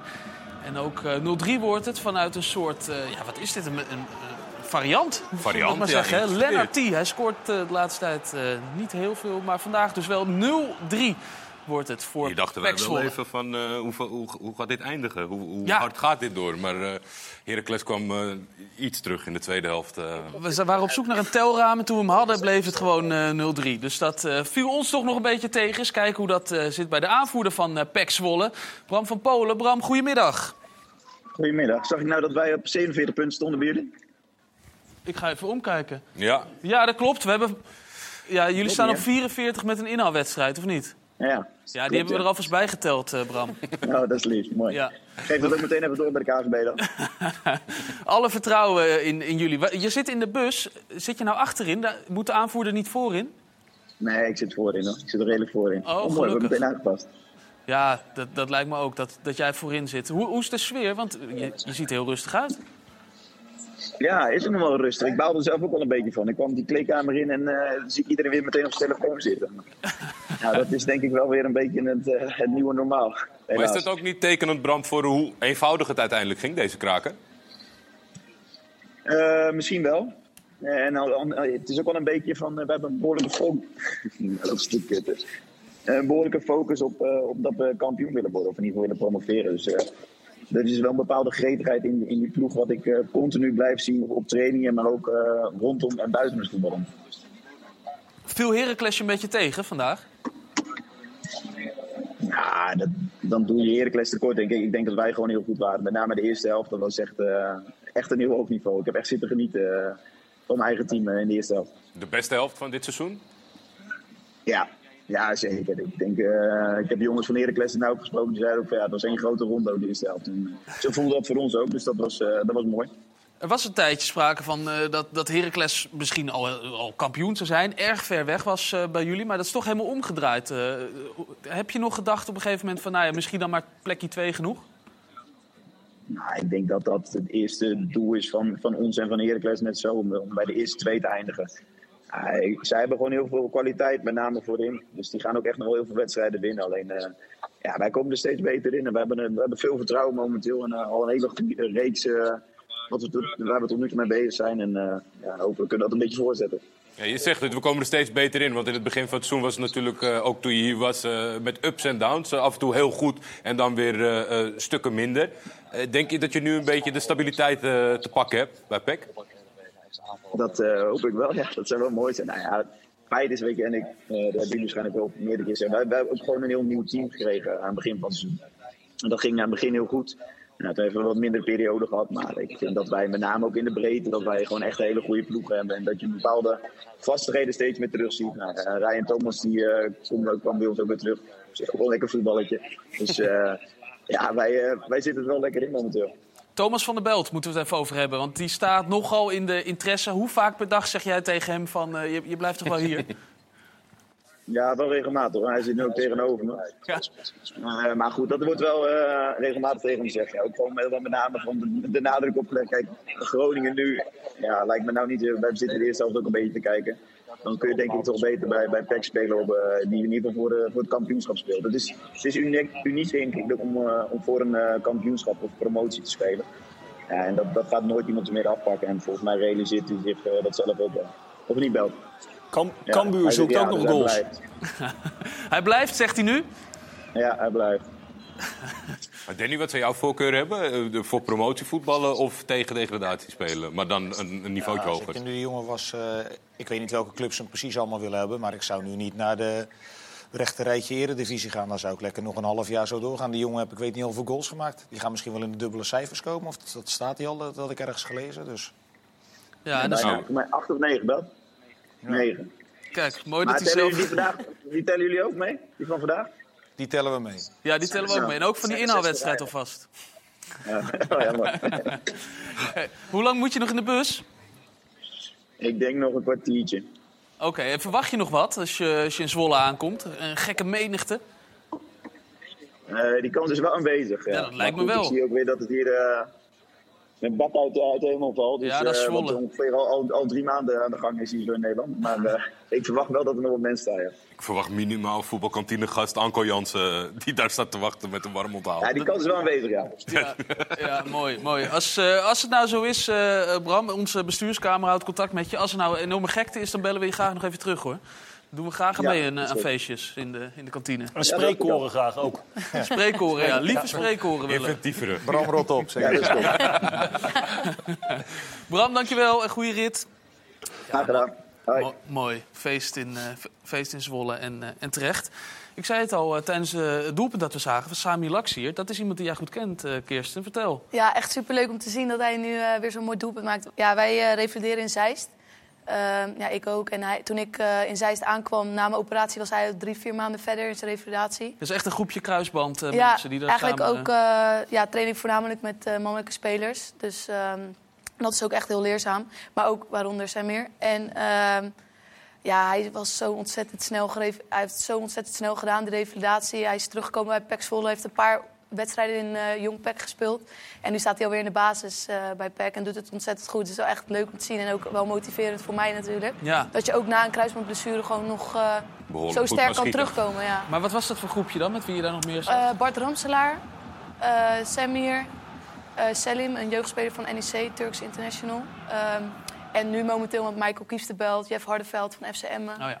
Dus eh, ja, superleuk hoor, om eh, met die gasten. Zijn er ook wel een paar van Emmen dan. eh, Ja. Ja, twee van Emmen. Eh, ik moet zeggen, in Zeist loop ik eh, continu achterop. Omdat die mannen natuurlijk snel, sneller zijn. Maar eh, dat tempo neem ik weer mee naar de vrouwen. En dan loop je opeens weer voorop. Dus dat is wel eh, Heel mooi. goed. Ja, als je me niet gaat overbelasten, denk ik. Maar goed, ja, ik weet er ook niks van. Ehm Kay, we willen het toch nog even hebben over eh, jouw je avontuur in, eh, in Moldavië. Want ehm, je haalde de Europa League. Nou, je haalde net niet de Champions League niet, maar toen de Europa League in. Klopt. Jij bent niet ingeschreven daar. Nee, klopt. Wat was dat voor een rare actie? Ja, ik was geblesseerd geraakt eigenlijk. Ja, maar zo zwaar, dat je, zo zwaar dat je de, de hele Europa League niet eh, mee mocht doen? Nee, totaal niet eigenlijk. Het zag er wel erg uit, maar na twee dagen stond ik eigenlijk gewoon weer op het veld. Na twee dagen al. Ja. Ik raakte gewoon precies geblesseerd op de dag dat ze zeg maar, de wedstrijdselectie bekend zouden maken die eh, mee mocht in de Europa League. En ze hebben na jouw blessure wel direct gehandeld en al een Ja. concurrent gekocht en Ja. die wel ingeschreven. Klopt. Het was geen vinkje wat per ongeluk niet... eh, Nee, nee, nee, dat niet, dat niet. nee. Hoe, sta, hoe sta je er nu voor? Je traint mee met Os. Ja, ik, was, ik ben weer terug bij Os. Ik train weer mee. Maar eh, ja, Ga je ook wedstrijden spelen voor Os? ja, nog niet. Nog niet. Nee. Want je hoopt in deze transferperiode nog eh, Ja, iets te doen. Dus- Waar hoop je op? natuurlijk Nederland weer. Nederland? Maar- Ja, maar Eredivisie? Ja, zeker Eredivisie. En je speelt niet voor Os, want dat heeft dan te maken met eh, dat je niet voor meerdere clubs mag spelen Ja, of zo, precies. toch? Niet Je mag, voor maar voor drie. twee, ja, je mag maar voor twee clubs uitkomen in één seizoen. En wat vinden ze ervan in Os? Dat je dan zegt van nou, eh, Ja, die fans vinden het niet zo leuk. Nee. Nee, die sturen me ook allemaal berichten elke dag. En eh, ja, de club denk ik ook niet echt, eerlijk gezegd. Hoe was dat dan voor jou als je dan niet ingeschreven wordt? Dat lijkt me echt Ja, zo lastig. het was, het was wel vervelend natuurlijk. Want ja, het is Europees voetbal en ja, ik kom uit Nederland, dus dat ben je wel soort van gewend. En dan gewoon ook hoe je, die, hoe je ziet dat ze die wedstrijden zeg maar, hebben gespeeld, is ook zonde. wist je toen al wat de loting was eigenlijk? Ja, ja, ja. Ja, want Ja. De, de loting was Was, eh, United, Manchester United. Ja, Real Sociedad en Omonia. Oh ja. Ze hadden een paar mooie ervaringen kunnen zijn. Ja, precies. Ja. En zat je nu wel op de tribune dan? eh, bij ja, de- dat wel. Oké. Gewoon naar de kleedkamer gaan, naar de wedstrijden. Ja. Bij de thuiswedstrijden wel, maar uit niet. Is dat nou in het buitenland veel harder dan dat wij in Nederland doen, eh, Ja. Robert? Want ik, Bruma, die gehuurd is door, door PSV aan Fenerbahce... die is eh, in verband met het buitenlands reglement in de competitie... die is zowel voor Europa, niet, maar ook voor de competitie niet ingeschreven. Ja. Dus die hebben ze gehuurd en die zit gewoon eigenlijk Nee, de dat, dag uit. dat is gewoon veel harder. Daar wordt gewoon heel simpelweg eh, niet, niet met persoonlijke belangen. Of, Maar ook zo'n beslissing, of- hij is geblesseerd, we wachten niet af, we kopen Nee. een nieuwe spit. Nee, dat gaat keihard. Dat is Ja. business. En, maar goed, daar wordt ook niet verwacht dat. eh, je hoeft daar ook niet aan spelers uit te leggen waarom ze niet spelen. Dat, Nee. dat, dat vinden ze ook niet nodig. Dat geven ze ook niet Zeggen aan. we, joh, wij zijn prof en eh, als je me nodig hebt, dan staan we er. En als je me niet nodig hebt, ja, dan eh, heb ik het waarschijnlijk niet goed gedaan. Dus dat is ook, Ja. ja. dat is ook wel op een enigszins andere manier dan dat het in Nederland vaak gaat. Dan moet je toch wat meer uitleggen. Culturen spelen daarin een grote rol. Dat heb Ja. ik ook meegemaakt met eh, Doan en eh, Itakura, Japanners. De Nederlanders zijn heel erg gewend, eh, dat had ik ook in mijn carrière, dat we willen ons overal mee bemoeien als speler. Overal ja maar. Overal trainen en eh, anders en dit en zus en uitleg. Maar die eh, Japanners waren het tegenovergestelde. Die zeiden gewoon juist van trainen, jij moet zeggen wat ik moet doen. En dat voer ik Dat uit. doe ik. Ja. Ja. Ja. Kay, was er ook nog sprake van dat je zou kunnen blijven bij, eh, bij Sheriff? Ja, ja, zeker. Dat wilden ze wel. Ja, ze wilden wel iets regelen, maar ik heb gewoon gelijk gezegd van nee. Nee, want eh, je, je had het er ook over, ja, privé Ja, vond ik het niet fijn. Ja. Dus ja, ik moest weer naar Nederland komen. Ja. En eh, ja, de club heeft me zeg maar, laten betalen om terug te gaan naar Nederland voor een heftige situatie. ja. En ja, ik heb het wel gedaan, want op dat moment was voetbal zeg maar, maar een bijzaak voor mij. Maar, maar jij Dus wist... jij, jij moest zeg maar, je vrije dagen kopen van de club Ja, om, om ja, weg te precies. kunnen. Ja, ja. dat is niet heel sympathiek. Nee. Nee, klopt. Nee. Mag Ja. ik dat vragen, wat, dat- wat, wat dat is? Want dat, dat- daar word ik dan een beetje nieuwsgierig Ja, van als ik eerlijk ben. ja, tuurlijk, wat, was ja. er, wat was er aan de hand dan? Nee, ik, heb, ik had een, eh, mijn vriendin was zwanger en het kindje was zeg maar overleden. Oké, jeetje. Ja. ja. dat is... Ja. En eh, voor dat moest ik zeg maar terugkomen.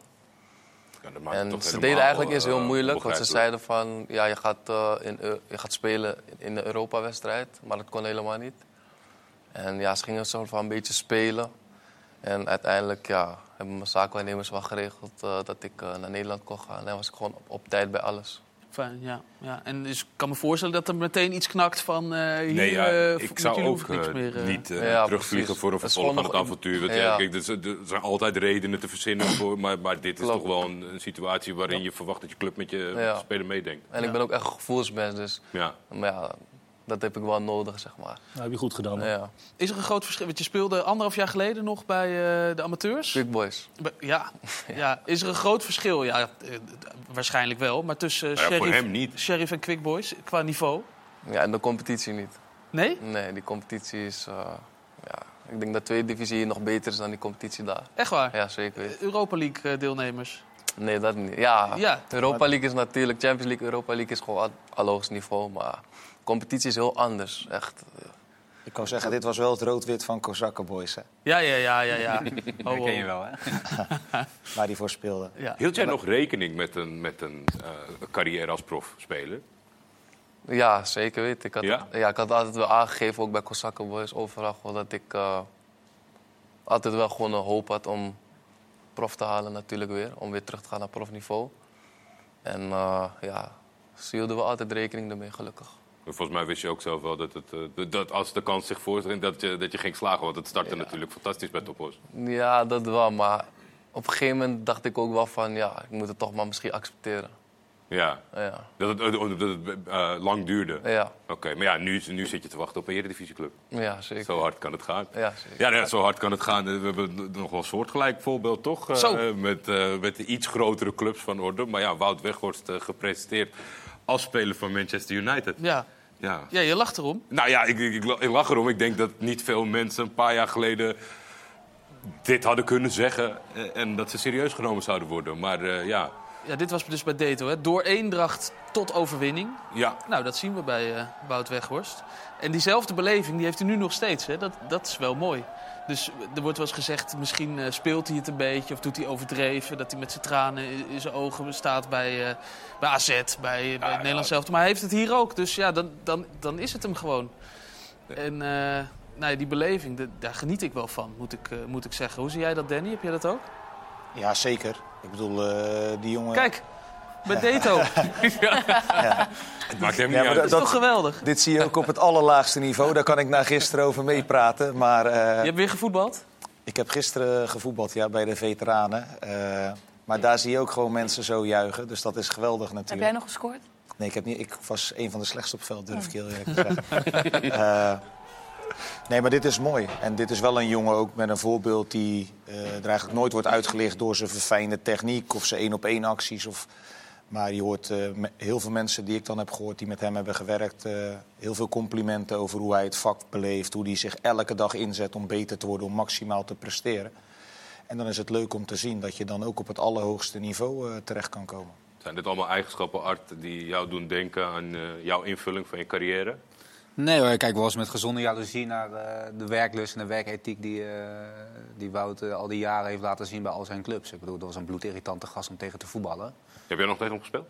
Ja, en, en dan, dan weet je dat... eh, ja, ik stond natuurlijk aan de zijkant iets meer. Maar eh, ik vind het juist heel mooi dat ook symbolisch de waarde die hij nu eigenlijk vertegenwoordigt... door de manier waarop het op de WK is gegaan, dat hij deze stap zet. Dat het echt een, ja, wat altijd een heel inspirerend voorbeeld is voor mensen. Van ja, werk je gewoon eh, slag in de ronde en... Er is altijd dat klein, die beetje, het opvalt. klein beetje talent wat je hebt, kan je echt nog wel heel ver brengen dan hoor.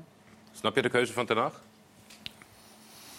Nee, Gisteren in de derby ik gun het, ik gun het, ik gun het hem eh, van harte. Ik gun het hem echt van harte. Want ik, ik vind het een wereldgozer. Je- Dat soort spelers wil je graag in je elftal hebben. Die, die er blind voor gaan. Die, die ongelooflijk veel werklust aan de dag leggen. Aan de andere kant, ja, hij is van Burnley, hè? Ja, daar wordt hij van gehuurd. niet geslaagd. Daar is hij Nee, dat- is die weggegaan vanuit de Premier League. Dus ik denk dat het... Nee, dat weet ik wel. Het, het, het is, het is iets eh, genuanceerder. Maar Hij heeft een paar keer gescoord. het grote Manchester Nou. United... eh, om daar het verschil te maken. Ik denk dat hij echt puur als pinchhitter... voor die paar momenten in het seizoen... Gisteren daar- was er een fase in de wedstrijd waarvan je dacht... nou ja, een type Weghorst zou United Ja, maar, en dat heeft hij, dat heeft hij met Nederland zelf heeft hij dat laten zien. Hè? Die, Ja. die, die vrije trap, daar gaat het natuurlijk heel groot over. Dat was natuurlijk een, een beetje een lucky zelfs nog hoe die je binnen schiet. Eh, die andere kopgoal die, die was geweldig. Maar ja, de- of je daar in de Premier League voldoende aan hebt om dan het verschil te maken. Nou, de Premier League is wel gewoon de beste competitie ter wereld. Hè? Ja, en als je je twijfels hebt, misschien een onnodig risico dat je neemt als trainer zijnde. Want zeker als je een landgenoot haalt, wordt er vrij snel altijd Nou, gewezen dat, dat vind naar, ik, naar dat vind ik wel met Ten Hag. Ik, ik gun het van Ten Hag ook. Ik vind het geweldig dat een Nederlandse trainer het zo goed doet. En dat hij het op de rit heeft gekregen met gedurfde beslissingen. Eh, maar ja, hij zit wel in een relatief kleine pool van spelers eh, die hij kent. En nu Ja. komt hij dus weer met Weghorst. Nou, dat kan een nadeel zijn als je daar wat langer bent. En ik hoop ook voor Ten Hag dat hij zijn, zijn, zijn blik wat verwijt naar, naar een wat ruimere scouting toe. Want er zijn natuurlijk heel veel hele goede spelers die voor Manchester United te halen zijn. Ja, als hij wel een twee-eenheid is met zijn TD, dan moet hij inderdaad misschien wat vertrouwen geven aan die mensen. En niet. ah, Ja, ik denk dat het daar nog moeilijker is overigens met de eigenaren die dan ook nog een keer de boel in de verkoop willen zetten. Dus dat, dat is een heel ingewikkeld. Ik denk, ik, Erik moet zich wel. Maar zal hij daarom waarschijnlijk ook uit zijn eigen vijver vi- vissen, zeg maar, met, met aankopen? Ze schijnen elkaar Nou, niet te ik- kennen, hè, Weghorst. Nee, precies. Hij is natuurlijk, eh, het is wel een jongen die, die, die elkaar eh, vanuit de achtergrond goed begrijpen. Ja. En ik denk dat Erik daar, eh, dat belangrijk vindt. En dat is ook fijn. Ik bedoel, het is ook lekker om... Weet je, Art en Danny zitten hier zo. Qua spelers, het is lekker om, om een Art in je elftal te hebben. En het is lekker om een Danny in je elftal te hebben... die, die er blind voor gaat en hij die er wat meer over nadenkt soms. Ja, dat zijn combinaties die wil je perfect maken in je team. Dat maakt een trainer-coachvak zo leuk, om zo'n Ja. team samen te stellen. En Als- nou, nou, Weghorst zal er bij zijn team nu in passen. Ja, als iemand dat kan, dat samenstellen, dan is het eh, Erik ten Hag, denk ik. Maar goed, eh, Max Toemen, onze dataman, die heeft het uitgezocht. Nou ja, eh, laten we het zo zeggen. Hij, eh, hij heeft het aardig op de rails op dit moment. Hij heeft nu eh, negen wedstrijden op rij gewonnen. Eh midweeks won hij natuurlijk al van Charlton voor de Carabao Cup. En nou ja, dat maakte ervoor dat hij de snelste manager ooit is die 20 overwinningen behaalde. eh, namens Manchester United in de 145-jarige clubgeschiedenis. Dus hij staat hier bovenaan in het rijtje. En dit is eigenlijk al een beetje ja, oud nieuws. Want hij won natuurlijk ook van Manchester City afgelopen weekend. Onwijs eh, knap. En eh, ja, nou ja, goed, dat is, ja, dat is natuurlijk wel eh, onwijs groot. Zeker na die 6-3 eh, eh, ja, van eerder dit seizoen. Vooral ook, er werd na, over deze statistiek ook gezegd van... ja, tuurlijk, eh, Charlton zat ertussen, Bournemouth, Wolves dan nog een keer. Ja, precies. Want dat, Ja. dat was veel in, na, aanleiding, of naar de wedstrijd toe ging het daar veel over. Dat het eh, de nummer 19, 18, 17 Ja. en 16 waren geweest van die reeks. Nou ja, goed, ik denk, wat maakt het uit? Hij, eh, hij krijgt er gewoon drie punten voor en hij is Ja. door in alle bekers. Manchester United is de enige Engelse club die op dit moment nog op vier fronten actief is. Alle topclubs die in Europa ook actief zijn, die zijn eh, uit de Carabao Cup. Dus eh, nou ja, hij niet. Eh, dat is al knap. En ja, hij heeft natuurlijk gewoon Liverpool verslagen, heeft Arsenal verslagen, Tottenham Hotspur en Manchester City. Dus ja, het zijn ook niet alleen maar de kleinste clubs. En een mooi compliment van eh, een van zijn spelers gekregen. Ja. na het duel. Nou ja, Casemiro, we hadden het eigenlijk al even over aankopen en over eigen, eigen spelers binnenbrengen. Nou ja, Casemiro is natuurlijk ook onder Ten Hag gekomen. En het is misschien een beetje gechargeerd om te zeggen dat het sinds zijn komst enorm verbeterd is. Maar ja, je ziet wel een klein verband. Ik ben er eens wat dieper ingedoken. Eh, hij heeft zeven keer niet als basisspeler gestart. En je ziet gewoon een enorm verschil in het aantal tegendoelpunten. Als hij wel meedoet, zijn dat er gemiddeld 0,6. En als hij niet in de basis staat, zijn dat er twee per wedstrijd. Zo. Ehm, en ook het winstpercentage met Casemiro in de basis is nou, afgerond 73 en zonder Casemiro 57. Dus eh, nou ja, goed, dat zijn wel aankopen die er misschien toe leiden dat hij ook zo'n Wout Weghorst eh, mag halen. Ja. Mooi hoor, Erik ten zeker Hag. eh, En eh, goed eh, dat hij het eh, ook goed doet in het buitenland. Het was alweer even geleden dat een eh, Nederlandse trainer het goed deed. eh, Is dat een Buitenland. bruggetje? Ik hoop het niet. sorry Danny. Nee, ik wou aan jullie vragen. Ja, sorry. Ferguson, eh, de grote Alex Ferguson, Mhm. stond op een gegeven moment op het punt om ontslagen te worden zelfs Klopt, hè, ja. Bij Man United. En er, er is een prachtige documentaire over gemaakt. Volgens mij heet die Butterfly, dacht ik. Dat weet ik niet. Maar ik weet wel dat het heel moeilijk Maar had. eh, er is een geweldige eh, eh, eh, soort van filmpje van gemaakt. Dat hij dus achter staat in de rust. En dan winnen ze die wedstrijd nog. En dat redt hem. En daarna begint United te winnen. En dan- ja, dan, dan stijgt De het tot, langste tot Sir, zege. Sir Alex zelfs. ja, ja, ja. Want ik wou vragen, zit Roy Beukenkamp ook nog steeds in de scouting? Want die, heeft, die zit al volgens mij jaren bij Man United in de scouting.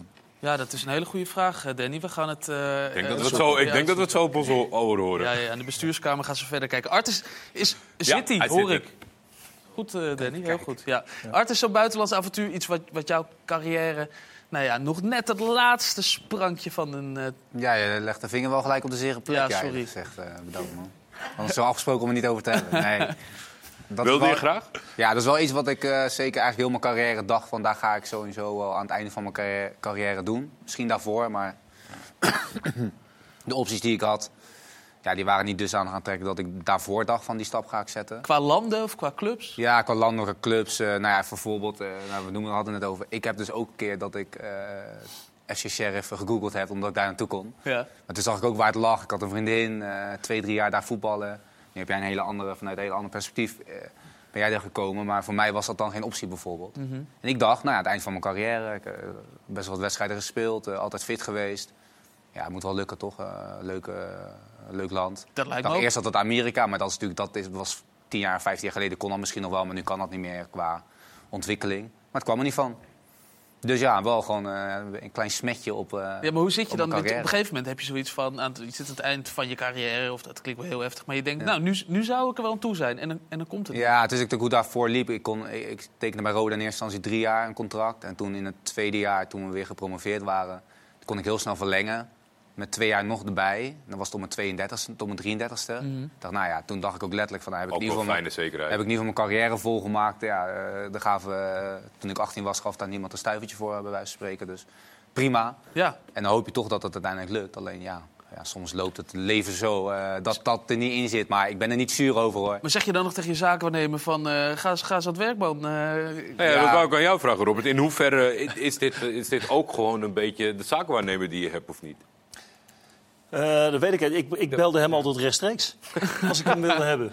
Ja, we hebben wel lang contact We gehad. hebben altijd eh, wel, wel contact gehouden door zijn carrière heen. Weet je, eh, Beckies, we zijn altijd, die wil, ja, we altijd nog, toen die tijd had je niet zoveel linksbacks.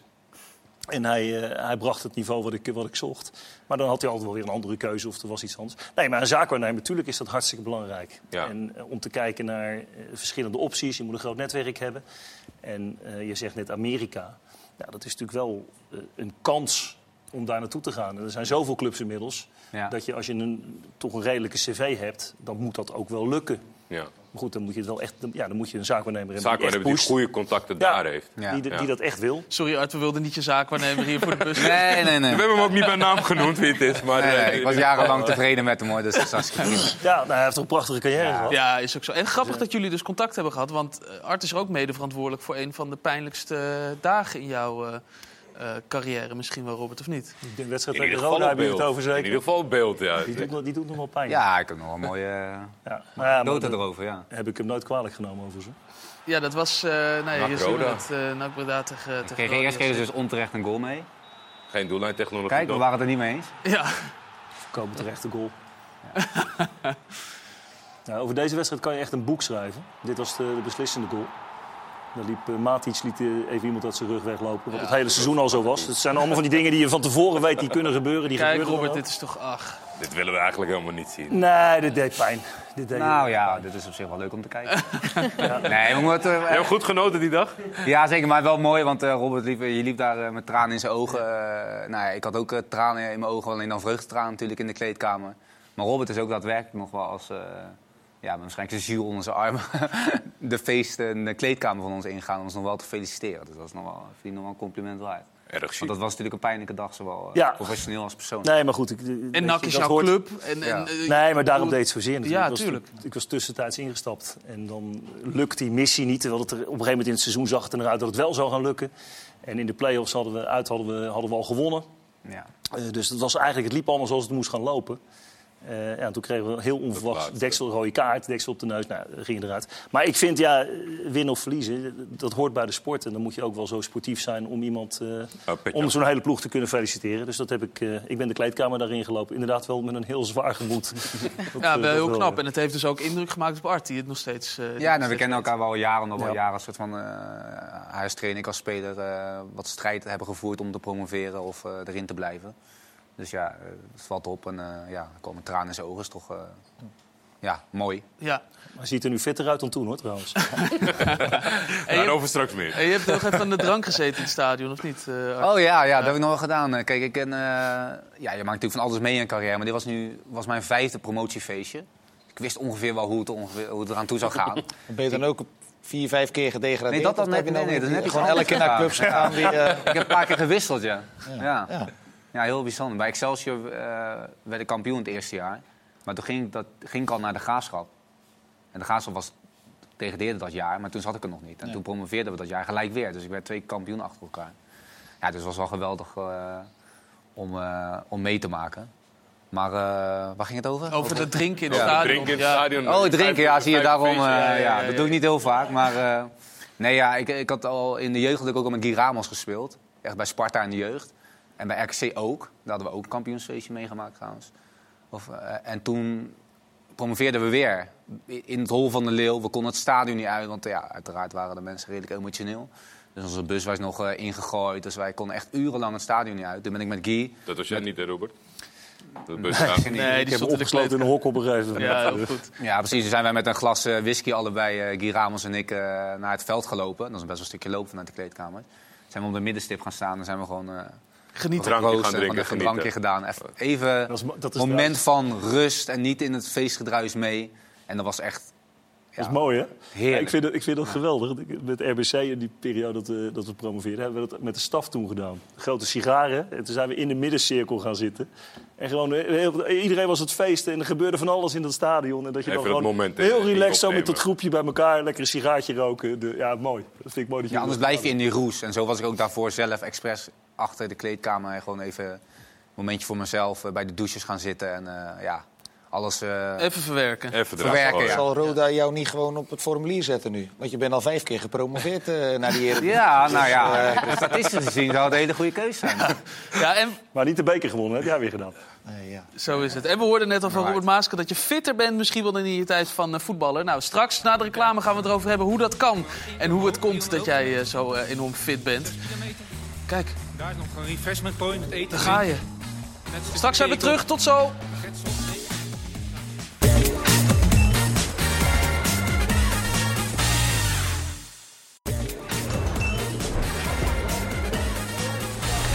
Welkom terug in de voetbalkantine, waar we ondertussen ook gewoon de wedstrijden volgen die op dit moment eh, bezig zijn. Bijvoorbeeld op ESPN 2 Groningen tegen Feyenoord.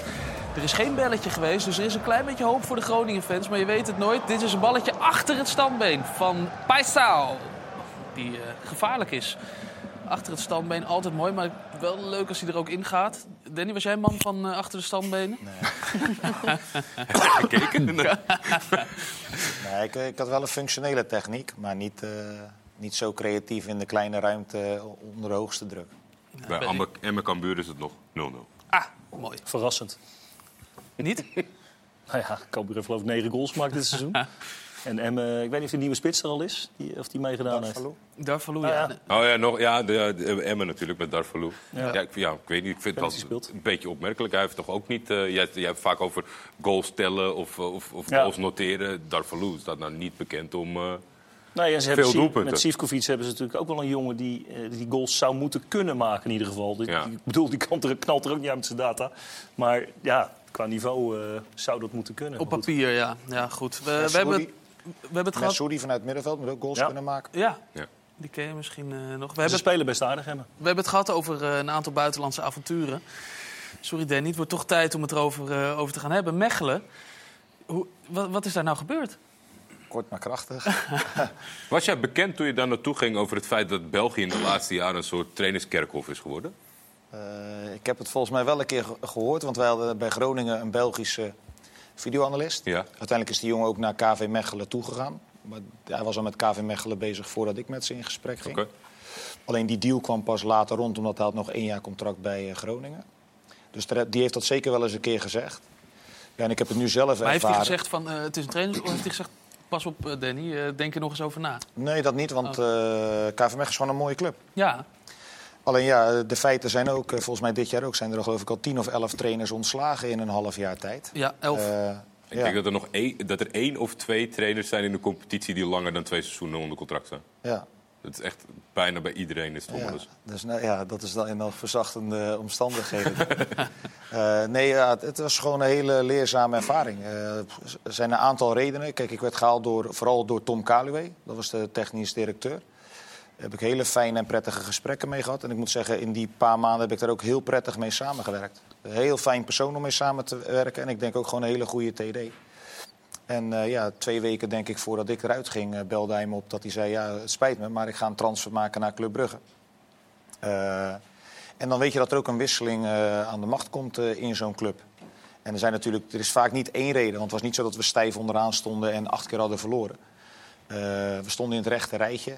Terwijl de club wel de ambitie heeft om in het linker rijtje te spelen. Maar de verschillen waren klein. Het zijn een aantal dingen. Voor sommige mensen ben je de, de kut-Hollander. Eh, met een aantal spelers had ik een mindere klik.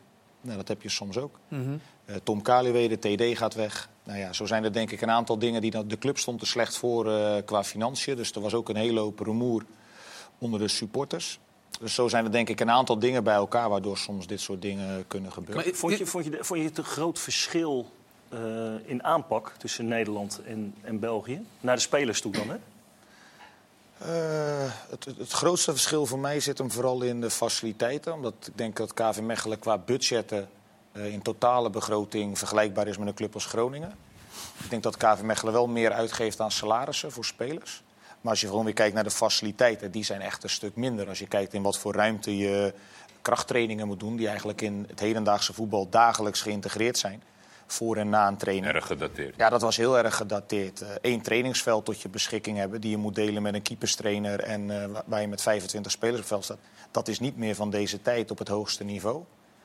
Nee, en qua spelers, ik moet zeggen... eh, een goede groep. Een goede groep. Er waren wel een paar jongens zwaar geblesseerd. Die waren aan het einde van het jaar zwaar geblesseerd geraakt. Kruisbandblessures ook twee. Waaronder een Nederlander, Lucas Bijker. Ja. Dus die zijn nu op het punt van, van instromen. Eh, en een paar jongens hadden dan wel een transfer gemaakt. Maar Oké, dat, dat heb je overal wel bij elk team dat er één of twee spelers weggaan. Heb jij in die periode je stempel al kunnen drukken? Kan een trainer... Nee, we wilden wel een paar dingen veranderen. Met name ook in de werkwijze. Dat was ook het idee van Tom. Ja. Je weet ook gewoon, dat roept ook altijd wat weerstand op bij sommige spelers. hè. Je hebt spelers die zich openstellen voor kritiek en feedback om zichzelf te verbeteren. En je hebt spelers die dat niet willen. Ja, maar we hebben het altijd zo gedaan. Daar waren er ook wel een paar van. Van ja, maar drie jaar geleden hebben we de play-offs gehaald. Twee jaar geleden hebben we de play-offs gehaald. Alleen ja, die jongens zitten al vier jaar bij Mechelen en hebben nog geen transfer gemaakt. Terwijl andere jongens er een jaar of twee jaar hebben gezeten en wel een transfer omhoog hebben gemaakt. Dus dan moet je soms als speler ook bij jezelf te raden gaan. Van ja, eh, haal ik het maximale uit mijn eigen carrière? Nou ja, zo waren er een aantal dingen bij elkaar, denk ik. Eh, waardoor dit, eh, dit soort dingen ook gebeuren een paar schitterende thuiswedstrijden gespeeld, denk ik, achter de kazerne. Wat zei je? Een paar schitterende thuiswedstrijden gespeeld, denk ik, want het is een eh, heel fantastisch Nee, het is, een mooie, het is een mooie club. En het is vooral een mooie club door, gewoon, door, door de sfeer die die mensen creëren. En het, dat, de tribunes zitten heel dicht op het veld. Dus dat geeft ook een unieke sfeer. En we hebben zeker een paar mooie thuiswedstrijden gespeeld. Dus dat heb ik in ieder geval nog wel meegemaakt. Ja. Maar Maar zijn ook gewoon leuke mensen ontmoet. Ja. Eh, Ook mensen waar je een mindere klik mee hebt, dat hou je toch altijd. Maar zijn er dingen waarvan je nu eh, denkt van... oké, dat zou ik niet meer eh, doen bij een, een nieuwe buitenland? Ja, misschien ben ik in het begin eh, dat ik te snel bepaalde veranderingen wilde doorvoeren. Eh, ze kregen heel veel tegengoals. Dus ik ben ook heel erg bezig geweest met, met het verdedigen. Eh, heel veel goals tegen uit spelervattingen. Dat zijn vaak ook niet de leukste dingen om, om continu te, te trainen en te herhalen. En als ik naar mezelf kijk, denk ik, ja, poeh, vier jaar Groningen waren echt eh, heel zwaar. Zeker omdat ik vanuit mijn profcarrière gelijk trainer werd bij Kozakken Boys. Vier jaar lang en toen al de stap naar Groningen. Achteraf denk ik, ja, ik denk dat ik naar Groningen zelf even misschien moet zeggen, ik neem even een pas op de plaats. Ik ga eens misschien een paar maanden bij andere trainers in de keuken kijken, gesprekken voeren. En dan komt er vanzelf weer een nieuwe kans. En nu ging ik gelijk door. En dan heb je ook nog de pech dat ze in België, geloof ik, een maand eerder met de competitie beginnen dan in Nederland. Dus we waren in Nederland net klaar bij Groningen. En toen begon de voorbereiding al bij KV Mechelen. Dus misschien ook niet top voorbereid erin gestapt. Nou, dan Zou je dat nu wel doen, Danny, trouwens? Want je, je zegt net van, je hebt nu wat meer tijd, hè? Ga je nu ook kijken naar van welke trainers zou ik bijvoorbeeld even op een soort van Ja. stage kunnen lopen? doe ik ook. Ja, Of trainers waar ik mee contact heb. Of wat ik net zei, ik ben door een paar clubs gevraagd om op gesprek te komen. Maar je zoekt ook zelf contact met mensen waarvan ik zeg... nou, vind het wel eens interessant om met jullie te praten. en wat vind jij dan een trainer waar je zegt van, nou, dat, dat zou voor mij goed kunnen zijn? Nou, ik heb, ik heb go- goed contact met Arne. Omdat Ja. we in dezelfde cursusgroep hebben gezeten. Arne Het is- Slot? Ja, het is niet dat we elkaar dagelijks spreken. Maar daar heb ik gewoon heel fijn contact mee. Eh, dus daar ga ik zeker ook een keer eh, een paar dagen bij meekijken. Alleen de vraag is natuurlijk wel wanneer het voor hun ook past in hun schema. Volgende week Ja. hebben ze toch niks eh, Ja. aan eind van de week. Maar het is best wel gangbaar, toch? Trainers die bij, elkaar... eh, Nee, zeker. Maar daarom, ik, ik vind het ook mooi dat Danny dat doet. Want eh, eh, na vier jaar Groningen, wat inderdaad zwaar geweest is... Waar, waar het heel goed gegaan is en ook af en toe is wat minder gegaan... daar leer je al heel veel van. Maar dit is een fantastisch moment om juist ook te kijken... bij internationale coaches bijvoorbeeld... om, om daar eens gesprekken mee te voeren. En eh, ja, ik vind het mooi dat hij dat doet. Ik mag ook zeggen dat in mijn Groningen-periode had ik ook regelmatig contact met eh, Henk ten Katen. Dat ik een paar keer naar hem toe ben gegaan en dat hij wedstrijden van ons had gekeken. En ja, die gesprekken zijn zo waardevol. En voor je het weet ben je drie, vier uur verder. Ja. Eh, en daar haal je heel veel informatie eh, uit weg ja, die je kan gebruiken in je voordeel. vind ik wel mooi trouwens. Want je, noemt Slot en Ten Kaat. Hè? Dat zijn nou net de mensen waarbij ik, ik qua speelstijl, hè, zoals jij dat bij Groningen gedaan hebt... die, die in mijn mening, ik ken ze allebei natuurlijk ook goed... net anders speelden dan jij. Nog misschien nog wel net even van van. Die bij jou hangt natuurlijk het, het, Etiket. het felle, het agressieve... iets meer aan je dan het mooie voetbal. eh, Huis Letico, toch? Ja, maar dat is wel het leuke. Kijk, ik heb ook vier jaar bij Kozakkenboys gezeten. En, Meeste doelpunten voor. Ja. Nou, Alleen je probeert op het hoogste niveau wel te kijken. Want uiteindelijk rekenen al die mensen je wel af op punten halen. En eh, als ik in mijn laatste jaar een doelstelling meekrijg... je moet 53 punten halen... en ik kijk naar de selectie en dan denk ik... ja, pot, ik wil ook het liefst aanvallen. Maar als Ja. wij vol op de aanval gaan spelen... dan gaan we daar zeker niet bij in de buurt komen. En zo probeer je toch wel naar de realiteit ook te kijken. Art, was jij een voetballer die hield van eh, rennen op de trainingen? Eh, nee, maar ik moest het wel van mijn werkethiek hebben. Eh, iets meer dan per se de flu- fluwele techniek. Dus, eh, maar ik had vroeger wel een broertje dood aan hardlopen ook wel in de voorbereiding. Ja, maar nu niet meer. Laten we even kijken. Zo. Een stukje vlak. Relatief vlak. Ik kom eh, van die berg achter me. Ik moet nog één keer omhoog. 300 hoogtemeter stond er. 6 kilometer. Daar is nog een refreshment point met eten, drinken. Net een stukje cake op. Paar pretzels. Nee, pretzels, die eh, zoute stokjes heb. Cola neem ik nooit. Hopelijk valt hij goed. Nu even een stukje rennen. Heerlijk. De man met de hamer. Klopt ergens ver weg op de deur. Dus ik probeer hem weg te houden. Lukt nog wel. Dus eh, hopelijk komt hij alleen even kijken. Is hij snel weer weg. Tjus. Ja, kijk. Hoppakee, er wordt niet gescoord bij eh, Groningen-Feyenoord... maar je komt gewoon binnen bij een trailrun, eh, Art. Wat Ja. is dit? Ja, dit is een, eh, iets wat ik heb ontdekt na mijn eh, voetbalcarrière. Eerst had ik een eh, bucketlist eh, momentje met de Marathon van Rotterdam. Dat is ook in die zin voor mijzelf een symbolisch afscheid van mijn voetbalcarrière. Je bent begonnen bij eh, Feyenoord. Ja, Ja. eh, ja, bij alle Rotterdamse clubs in Ja. van de jeugd eh, gespeeld of in het eerste. Eh, en ja, toen ging ik uiteindelijk keer trailrunnen. Dat is gewoon hardlopen, alleen dan niet op het asfalt, maar gewoon in de bergen of in de heuvels. En toen, ik hou ook van Oostenrijk en toen was er opeens een event in Oostenrijk. Nou, toen ging ik daar een keer naartoe. En toen, ja, die, die laatste met dat, die bel aantikken, dat was dan afgelopen juni.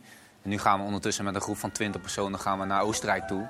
En dan gaan we daar meedoen aan verschillende, verschillende afstanden. Ik had op dat moment, toen ik sprong, had ik daarna ook spijt van dat ik nog sprong.